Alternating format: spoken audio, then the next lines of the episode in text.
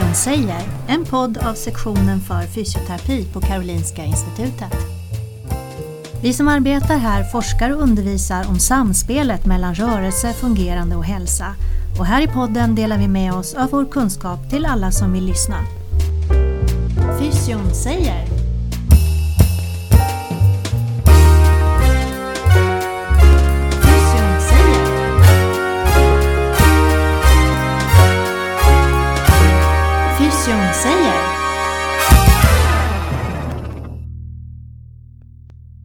Hej! Vi som är programledare idag är Anette Heine. Och Wim Groten. Vi kommer från sektionen för fysioterapi såväl som, som hela den här podden. Jag jobbar som docent och är lektor här på Karolinska institutet och sysslar mest med idrottsmedicin. Och Wim? Jag är också docent och jobbar här på sektionen med mest undervisning och mycket biomekanik.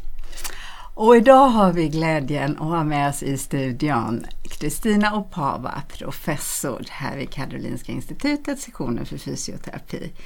Hjärtligt välkommen! Tack ska du ha. Berätta lite om dig själv Kristina och vad du gör. Ja, alltså när man är professor vid Karolinska institutet så jobbar man med forskning, undervisning och eh, också ledningsuppdrag av olika slag. Mm. Och vi vet ju som sitter här men de, våra lyssnare vet ju inte alls vad din huvudsakliga sysselsättning är vad gäller forskning och kanske undervisning också. Berätta mer om den. Mm. Jag forskar ju då om fysisk aktivitet och träning vid reumatiska sjukdomar. Allra mest vid ledgångsreumatism, det som vi kallar för reumatoid artrit eller RA. Mm. Mm. Och eh, det har jag gjort de senaste 40 åren. Mm. eh, inte på samma sätt hela tiden naturligtvis, för det har ju utvecklats. Men eh, det är det som har varit mitt fokus genom alla år. 40 år Wim, helt otroligt! Här kan vi verkligen ja. få ut massor av viktiga svar för ja, våra lyssnare runt reumatism mm. som vi väljer nu och fortsättningsvis kalla det. Men vi pratar om då RA eller ledgångsreumatism, det är samma sak. Mm. Den senaste forskningen?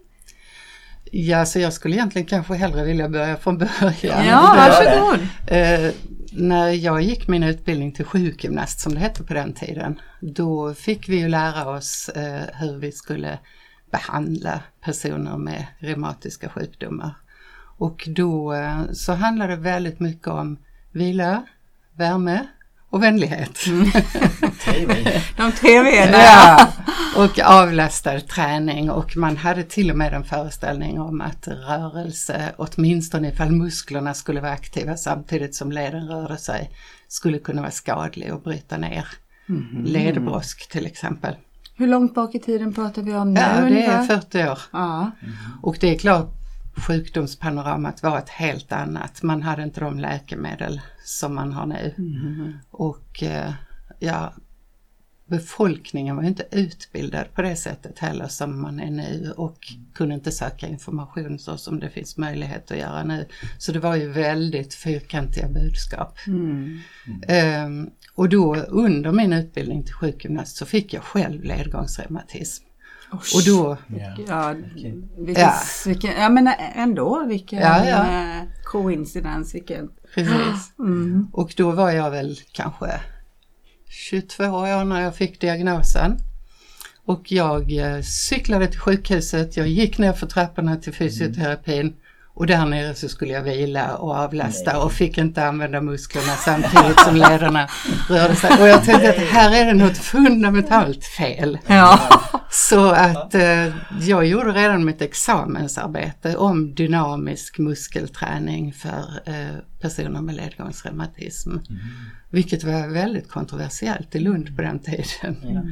Och eh, sen låg ju den fysioterapeutiska forskningen i sin linda vid det laget. Det hade precis blivit möjligt för fysioterapeuter eller sjukgymnaster att eh, forskarutbilda sig. Mm. Så vi hade ju inga inom vårt eget skrå som kunde handleda eller så och det fanns inga forskarutbildningskurser speciellt för oss och sådär. Mm. Så att det tog ett tag, jag jobbade kliniskt i 15 år. Eh, Med reumatiker? Med ja. reumatiker och med träning och så småningom också med enklare studier som jag själv gjorde utan anledning. Mm. Mm. Så att i början handlade det väldigt mycket om att visa att det inte var skadligt mm. att träna. Mm. Och sen när vi hade visat det så handlade det om att, att, visa på de fysiologiska effekterna, alltså öka muskelstyrkan och konditionen och så. Och sen så började det mer handla kanske om livskvalitet och hur det påverkar en mm. människa att kunna göra en egen insats för att förbättra sin sjukdom. Så då blir det kvalitativa studier. Och det är ju alltså intervjustudier, mm. att man intervjuar personer som vet hur det är att leva med ledgångsreumatism. Så jag tror att jag var den första vid Karolinska institutet som hade ett kvalitativt arbete i min doktorsavhandling mm. 1993. Mm. Och då var mina handledare så nervösa för det så att det arbetet fick ligga som extra så jag hade sex delarbeten istället för fem som var vanligt på den tiden. Så det och sen så då så har det ju kommit allt det här med att uh, alla kan inte behandlas på sjukhus. Ledgångsreumatism är ju en jättevanlig sjukdom, det är ju en av våra folksjukdomar. Mm. Och den varar hela livet. Det innebär ju då att man måste själv ta stort ansvar för sin träning och ja. sin hälsa. Mm. Så att då började vi titta på hemträningsprogram och kunde visa att det var lika effektivt som att träna på sjukhus mm. under ledning. Och sen har vi nu börjat studera oss själva, det vill säga fysioterapeuterna. Hur klarar vi av att coacha patienter i sin vardag när vi inte får vara den där experten som står bredvid och talar om exakt hur vår patient ska göra. Mm. Så det är liksom utvecklingen av forskningen kan man säga på de här 40 åren en väldigt fin beskrivning tycker jag om eh, hur forskningen runt ledgångsreumatism faktiskt har ja. gått framåt. Men jag skulle vilja backa bara lite grann och fråga eh, jag tänker på det här med eftersom synen på ledgångsreumatism och träning initialt var vila och ändå vågade du ge dig in i perspektivet och träna. Var du aldrig osäker på att tänk om, tänk om jag gör patienterna illa här? Tänk om det här är fel? ja, alltså det var jag nog egentligen inte och det är klart att man valde ju inte de patienter som var allra sämst. Nej. För på den tiden fanns det ju människor som hade stora skador av sina sjukdomar, alltså satt i rullstol, hade väldigt krokiga armar och mm. ben och fingrar och så. Det kanske inte var de i första hand som jag valde. Mm. Men jag minns att i den första etikansökan som jag skrev för min första studie så ska det ju alltid vara med en patientinformation. Och då så skrev vi någonting om att vi tror inte att det här är skadligt. så hade man inte kunnat skriva idag. Nej, för jag tänker, jag menar under min tid på, på jorden så har jag också träffat reumatiker. Mm. Min forskning har inte varit inriktad på reumatism. Och jag kommer från ett ställe i det här landet där man, som inte är en universitetsstad utan mer på landsbygden. Och min uppfattning är att det fortfarande existerar en rädsla för att, mm. att faktiskt träna när man har ärrdra. När, när jag pratar med min mor eller släkt så har vi också lite RA, typ av RA där. Nej men jag har fått, fortfarande doktorn säger till mig att jag måste vila mycket och det är på något mm. sätt det som slår in. Hur, hur tänker du runt det och nu? Ja, så jag tänker ju inte att det är fel att vila utan det handlar om att hitta en balans mellan att vara aktiv och att vila. För att med mm. de flesta reumatiska sjukdomar så följer det ju en trötthet som är ganska överväldigande. Mm. och den kan man ju inte bara negligera och den kan man inte heller bara få bort genom att träna. Men eh, det ena utesluter ju inte det andra. Dygnet har ju 24 timmar. Ja. Men det är ju så här va, att det viktigaste symptomet vid RA det är smärta. Mm. Och vi har alla någonstans i bakhuvudet att gör det ont så ska jag akta mig. Mm. Men det är en stor skillnad på kronisk och akut smärta. Mm. Och vid den kroniska smärtan så är inte den här smärtsignalen lika, alltså man behöver inte ta den på lika stort allvar. Mm. Och det här, för oss som fysioterapeuter så handlar det mycket om att minimera rädslan. Ja. Att förbereda vår patient på att det här kan komma att göra ont. Du kan till och med komma att få mer ont när du börjar träna om du inte har tränat förut. Men det kommer att gå över. Mm. Och jag kommer att stå vid din sida och guida dig. Mm. Det här är ett väldigt viktigt budskap, ja, eller hur Wim, till absolut. våra lyssnare som uh, vi... Ja, mm. Och vi kommer att ha en, en speciell podd lite senare om uh, smärta. Mm. Så det är intressant. Mm. Mm.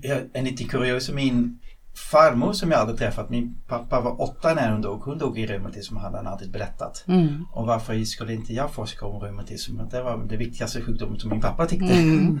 Mm. Men eh, sen såg vi att, eh, att behandlingen har kommit igång ordentligt. Mm. Så därför vill jag fråga dig vad som händer med de här läkemedlen som kom nu. Mm. När kom de som Alltså de kom väl i slutet av 90-talet, det som vi kallar för biologiska läkemedel. Och det har ju inneburit en dramatisk förändring för hela den reumatologiska specialiteten.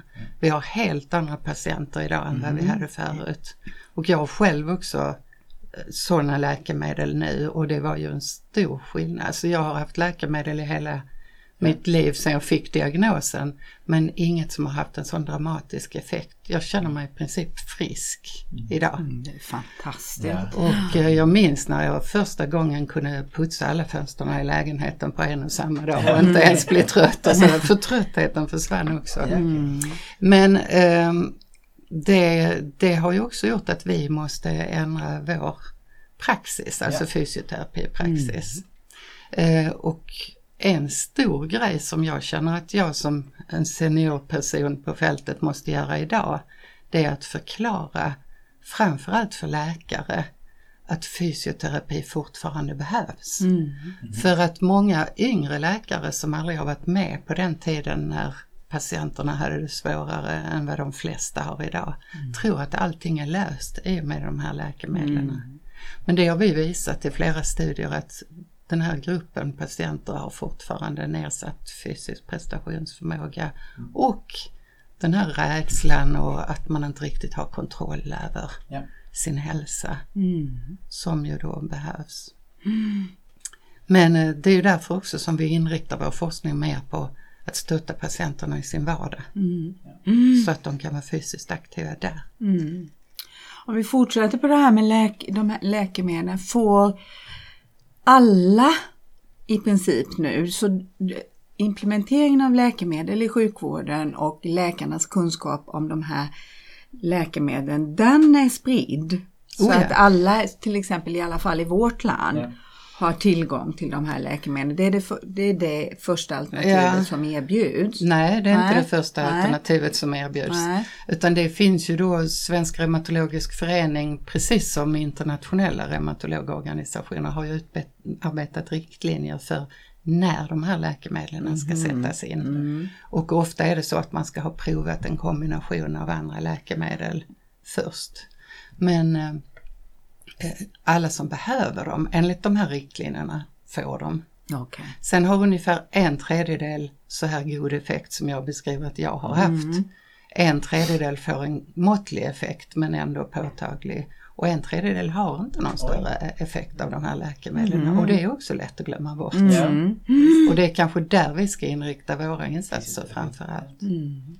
Hur vanligt är det med, med ledgångsreumatism i Sverige? Vet du det ungefär? Ja, alltså med bättre diagnostisering så sjunker, okay. sjunker ju de talen. Ja. Eh, jag tror när jag var student så hette det mellan 1 och 2 procent. Mm. Men nu är man duktigare på att ta bort de som egentligen inte har ledgångsreumatism. Så jag tror det senaste jag såg var någonting 0,7-0,8 procent. Mm. Men det är ju ändå ganska många ja. människor i Sverige. Det... Vim, du som är snabb på att räkna, Nej. hur många människor är det? Inte så här tidigt på morgonen.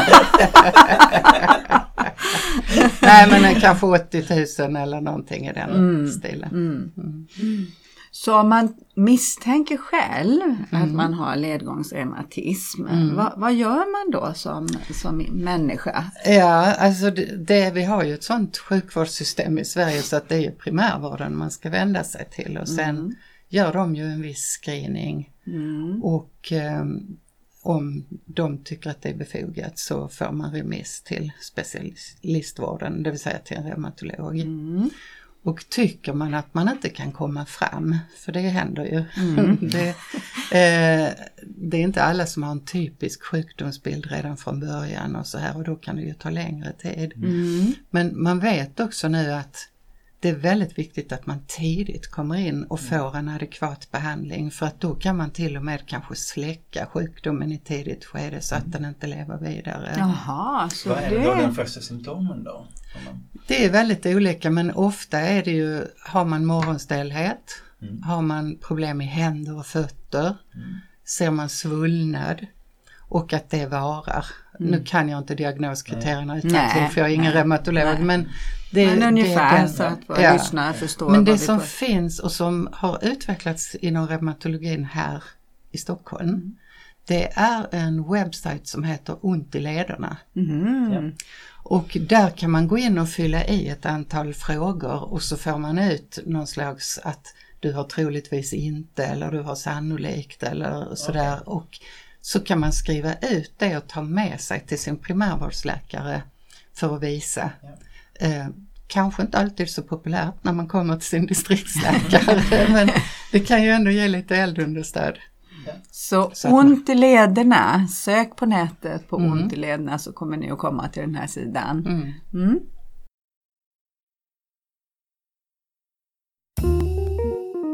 Vi välkomnar nytillkomna lyssnare till Fysion säger, en podd av sektionen för fysioterapi på Karolinska Institutet. Till alla nytillkomna lyssnare, vi har i studion idag äran att ha Kristina Opava, professor på Karolinska institutet. Tidigare i vår podd så berättade du Kristina om att du valde inte att inkludera i din forskning kanske de som var absolut sämst. Hur ska de som är riktigt, riktigt dåliga, för det måste ju finnas sådana reumatiker mm. även nu. Hur tycker du att de ska tänka runt träning nu?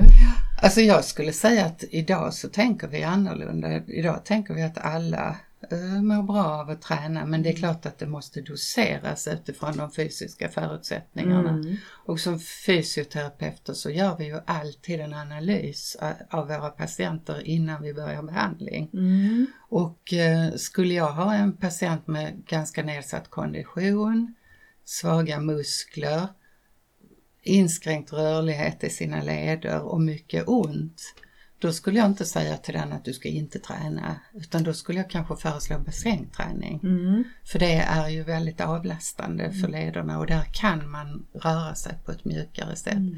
Men det handlar inte om att ligga och vila i bassängen. Nej. Utan det gäller... Låter annars ganska skönt tycker jag, eller vad säger du? ja.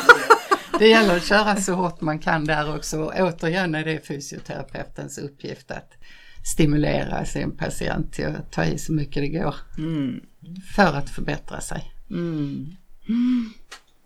Ja, har du någonting Wimma? Annars har jag faktiskt en fråga lite grann runt den här tröttheten som du ja, pratar om.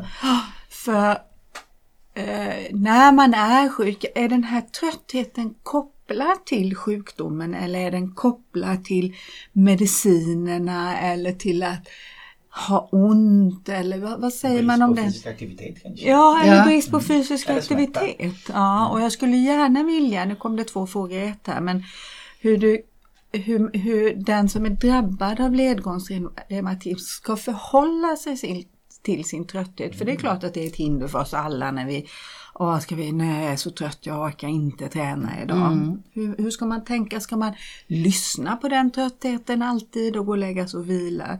Så två frågor mer, hur är den kopplad till mm. sjukdomen och vad gör man med den för att liksom hålla sig ändå fysiskt aktiv? Mm. Mm. Kopplingen, den, alltså den är ju, har dels med den inflammatoriska aktiviteten mm. att göra för ledgångsreumatism är ju en inflammatorisk mm. sjukdom mm. och det är en, dessutom en inflammatorisk systemsjukdom vilket innebär att den sitter i flera av kroppens system. Mm. Och då är det inte bara leder och muskler, det vill säga rörelseapparaten, utan det är också hjärta-kärl. Men det är också nervsystemet, både det centrala och det perifera. Så att det kan finnas många orsaker relaterade till inflammationen mm. som har med trötthet att göra. Mm. Sen har du ju rätt Wim, alltså om man bara vilar och softar ja. och så vidare, då blir det ju så att då går ju konditionen ner och det börjar bli svårt att resa sig från ja, stolar därför att muskelkraften inte räcker till. Mm.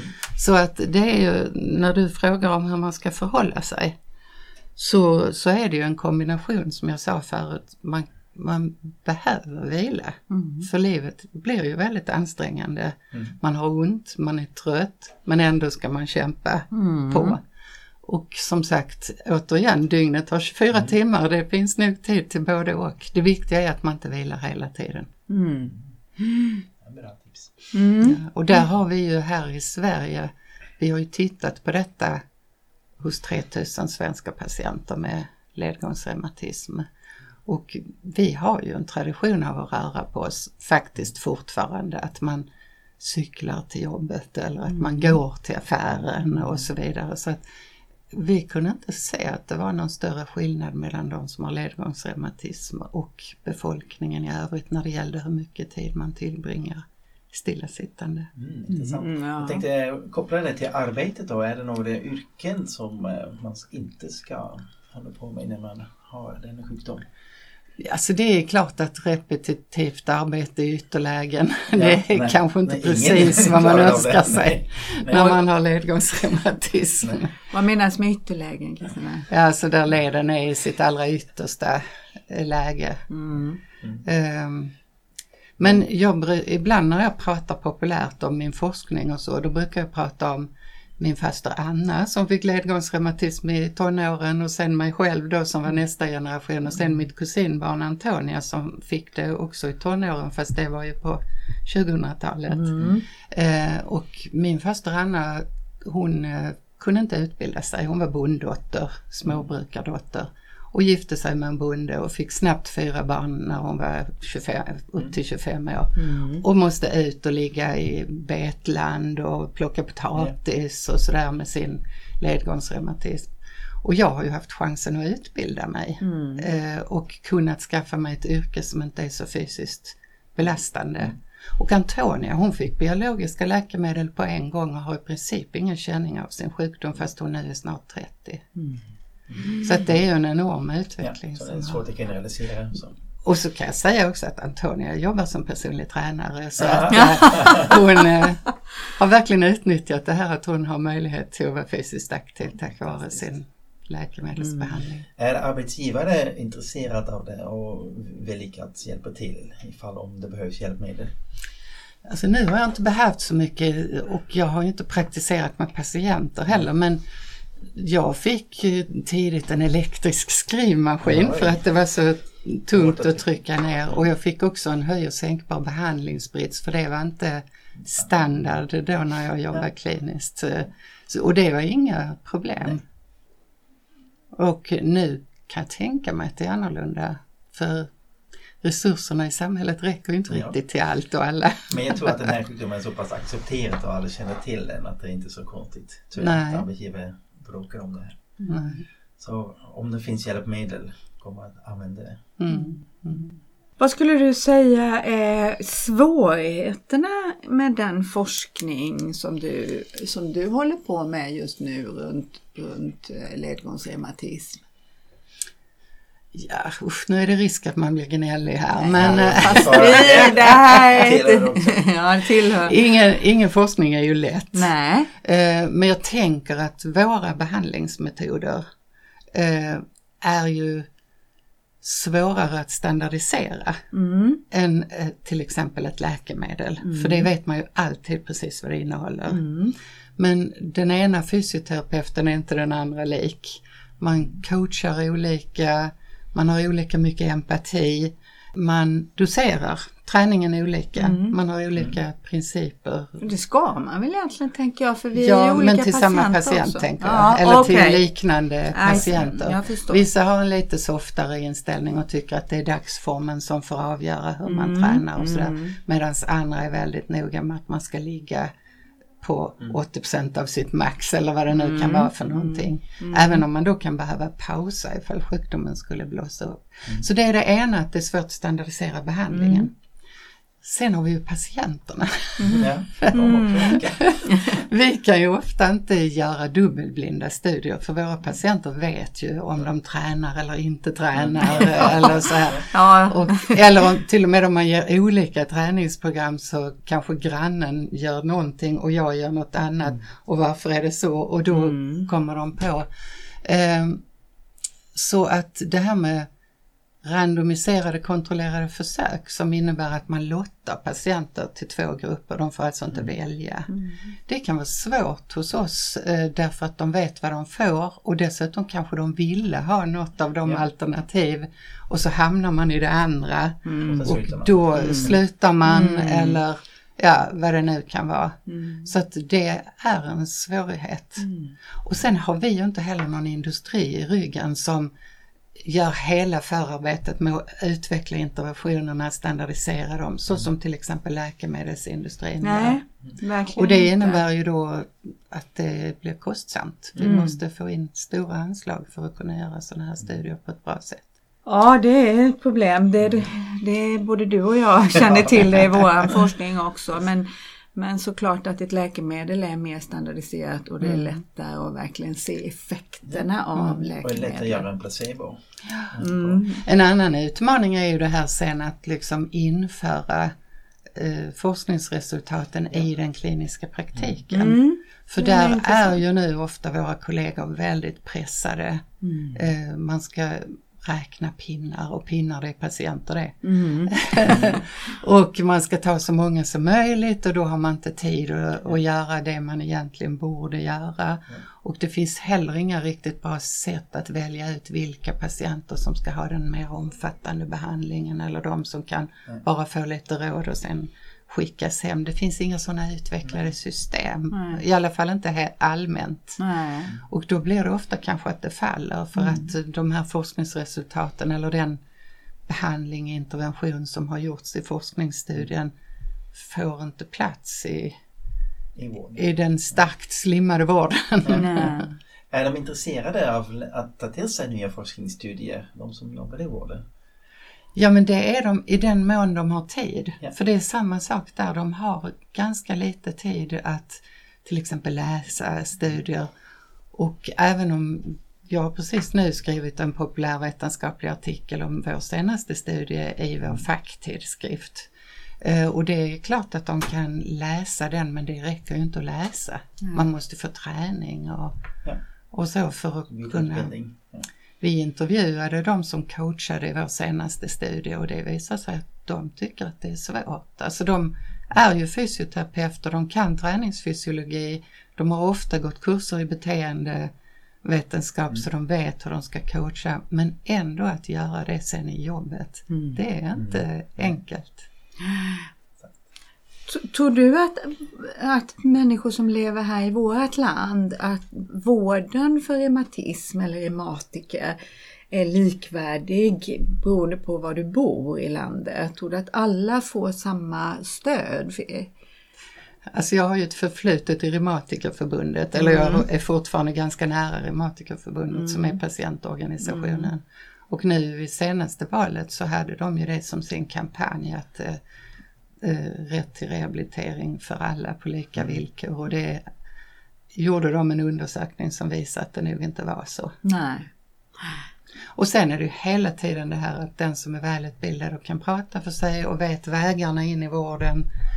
den får ju alltid bättre tillgång än den som inte vet någonting, kanske är deprimerad, inte orkar själv göra hela det här jobbet, eller inte ens vet om vad som finns. Nej.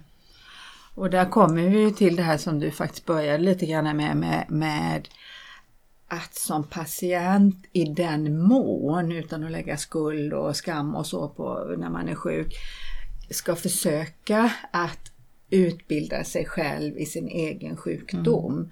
För att man på det sättet också då har möjlighet att kanske mm. påverka lite mer. Och det är ju lite sorgligt för att, att det är så. Men, men det är ju vanligt förekommande som, som jag ser det i alla fall. att man får bättre vård om man också kan kravställa. Absolut. Ja, eller grann, veta eller... vad som finns. Mm, mm, mm. Och finns det till exempel bassänger överallt? Jag tror det Nej. Mer om Ja, det är neddraget ganska mycket mm. och det är väl också så att det är svårt att påvisa evidens för bassängträning i just sådana här kontrollerade studier som mm. vi pratade om ja, förut. Ja, precis. Mm. Så, eh, men jag tror återigen att där gäller det att välja rätt, välja rätt patient för att väldigt många reumatiker älskar bassängträning mm. och det var ju första handsvalet när jag var ung och mm. grön mm. att var man reumatiker så skulle man träna i bassäng och den mm. föreställningen finns ju väldigt mycket. Eh, så jag är lite rädd för att introducera patienter till bassäng om jag inte ser att det här är en patient som inte kan träna på något annat sätt än i mm. bassäng. Mm. För det är ju mycket bättre att inte vara beroende av ett medium, ja, att man måste gå ja. till precis. ett sjukhus eller någonstans ja. där det finns en bassäng utan att man bara kan ta på sig ett par bra skor och gå ut och mm. gå lite raskt istället eller mm. sätta sig på cykeln och mm. ge sig iväg. Mm. Din senaste forskning Kristina tycker jag är fantastisk. Skulle du vilja berätta lite grann? Vi eh, lät fysioterapeuterna gå ut på gym och mm. coacha patienterna där. Både i grupper där man använder beteendevetenskapliga verktyg, det vill säga att sätta mål och ge sig själv feedback och så här. Men också själva träningen skedde på gymmet och våra deltagare med RA tränade tillsammans med de andra kunderna på gymmet mm. och betalade också årsavgift och mm. allting. Mm. Och det blev ju väldigt eh, trevligt och bra men det var ganska många deltagare i den studien som tyckte att varför måste vi gå till gymmet och sitta och där och prata med varandra. Kan vi inte göra någonting över nätet? Mm.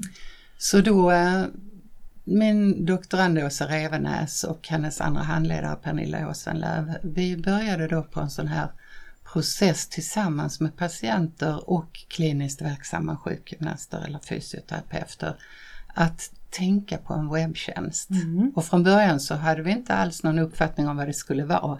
Det skulle vara förstås stöd för fysisk aktivitet Nej. och det skulle innehålla beteendevetenskapliga verktyg som jag sa förut, sätta mål och ge feedback. Men då hade vi en process med workshops och intervjuer och så vidare och kom då fram till att det skulle vara en webbtjänst som man kunde använda på dator, på platta, på mobil. Mm. Och den döpte vi till Trappen. Mm. Och det är så vitsigt så att liksom RA står med stora bokstäver där i trappen och så är det ju en app. Den funkar som en app. Ja. Eh, och trappor, är, trappor är ju bra att gå i. Ja. Göteborg kanske? Nej, det kläcktes faktiskt under de här workshops, eh, namnet då. Eh, så att den har nu funnits i ett par år. Mm. Och vi har fått stöd under de här tre åren är det väl nu sedan den lanserades från Reumatikerförbundet mm. till driften. Mm. Och vi gör det tillsammans med ett företag, eh, WePlus, som hade en liknande app som vi har sen byggt vår mm. på genom att modifiera den ursprungliga.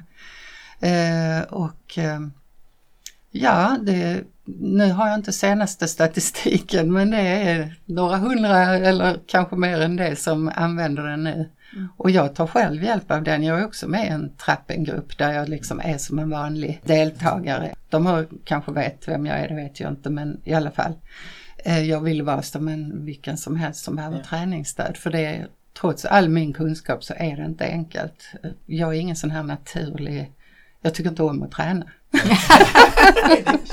men, jag vet, men jag vet ju hur viktigt det är så jag försöker ju på alla sätt och nu är det trappen som är mitt hjälpmedel. Och där är det så då att då är man en grupp på ungefär 10 som alla har en reumatisk sjukdom. Och vi lägger upp en liten profil så man får se en bild och en kort beskrivning av hur gamla de är, vad de jobbar med, hur länge de har haft vilken sjukdom och så vidare. Mm.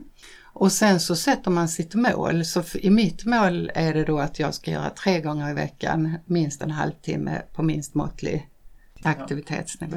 Intensitet, ja. eh, och, eh, och andra har andra mål.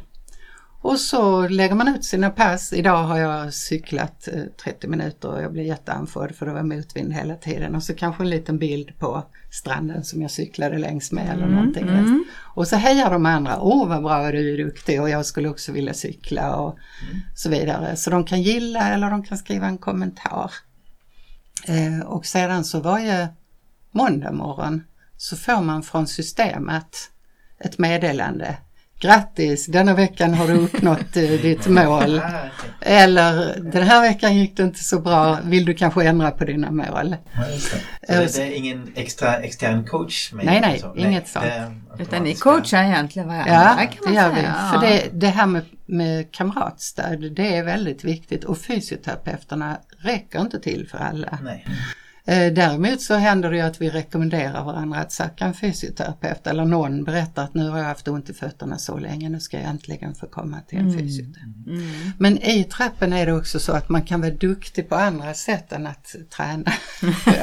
så det utses också veckans peppare. Mm. Man får poäng då för kommentar. Man får poäng för att man lägger ut fotografier för det gör ju mm. hela alltet yeah. mer stimulerande och roligt och så.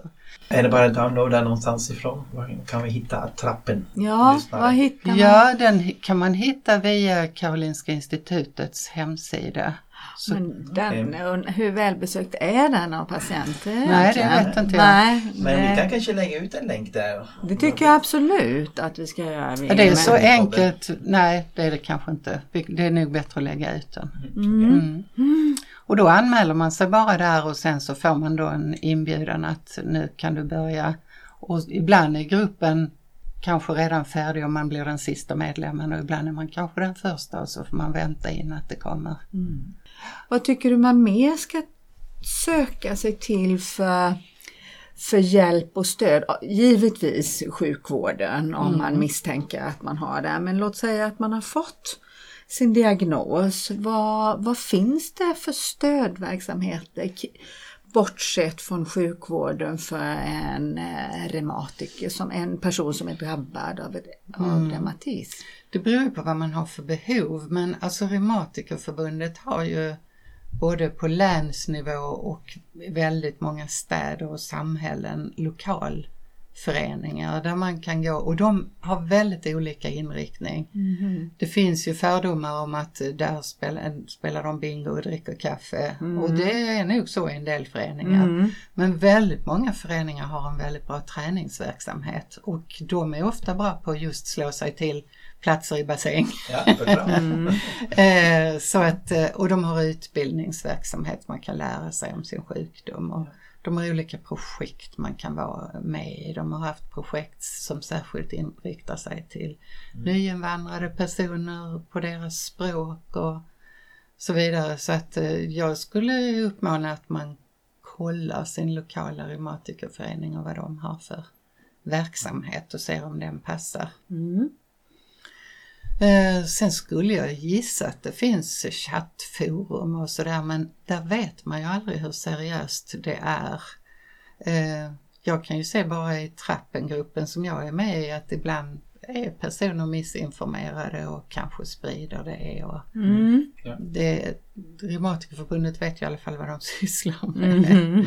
mm. och ger vederhäftig information på sina hemsidor. Mm. Spännande! Äh, jag har en eh, lite mer, nu går vi mot slutet här, men jag undrar lite grann Kristina, hur tänker du? Vad är det för forskning som behövs, som är viktig framöver runt den här sjukdomen och de som är drabbade av sjukdomen? Vad efterfrågas just nu? När det gäller till exempel rökning mm. så vet man att den som röker löper en större risk att få RA. Mm. Om de får RA så fungerar medicinerna sämre om de röker och det gäller både eh, de traditionella läkemedlen och de nya mm. biologiska läkemedlen. Och prognosen över tid är sämre. Mm. Vi har också sett i en studie som jag har varit med i att de som får RA, om de har varit fysiskt aktiva fem år före diagnosen så har de en lindrigare sjukdomsbild i samband med mm, diagnos. Verkligen. Och sådana saker är ju jättespännande mm, att titta på. Mm.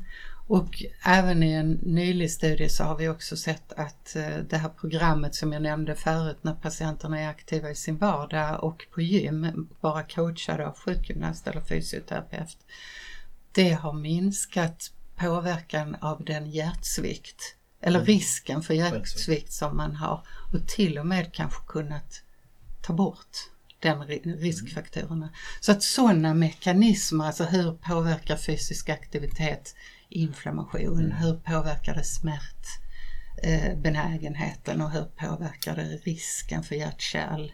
Du sa Wim att din farmor ja. dog i ära och det var väl förmodligen någon hjärt-kärlkomplikation ja, som ju är vanligare vid reumatiska sjukdomar. Mm. Så att fysioterapeuter kan göra ett bidrag där och inte bara, eller bara ska jag inte säga, men öka livskvaliteten och den fysiska prestationsförmågan. Men kanske också minska risker för följdsjukdomar. Mm. Det tycker jag är spännande. Mm. Bra.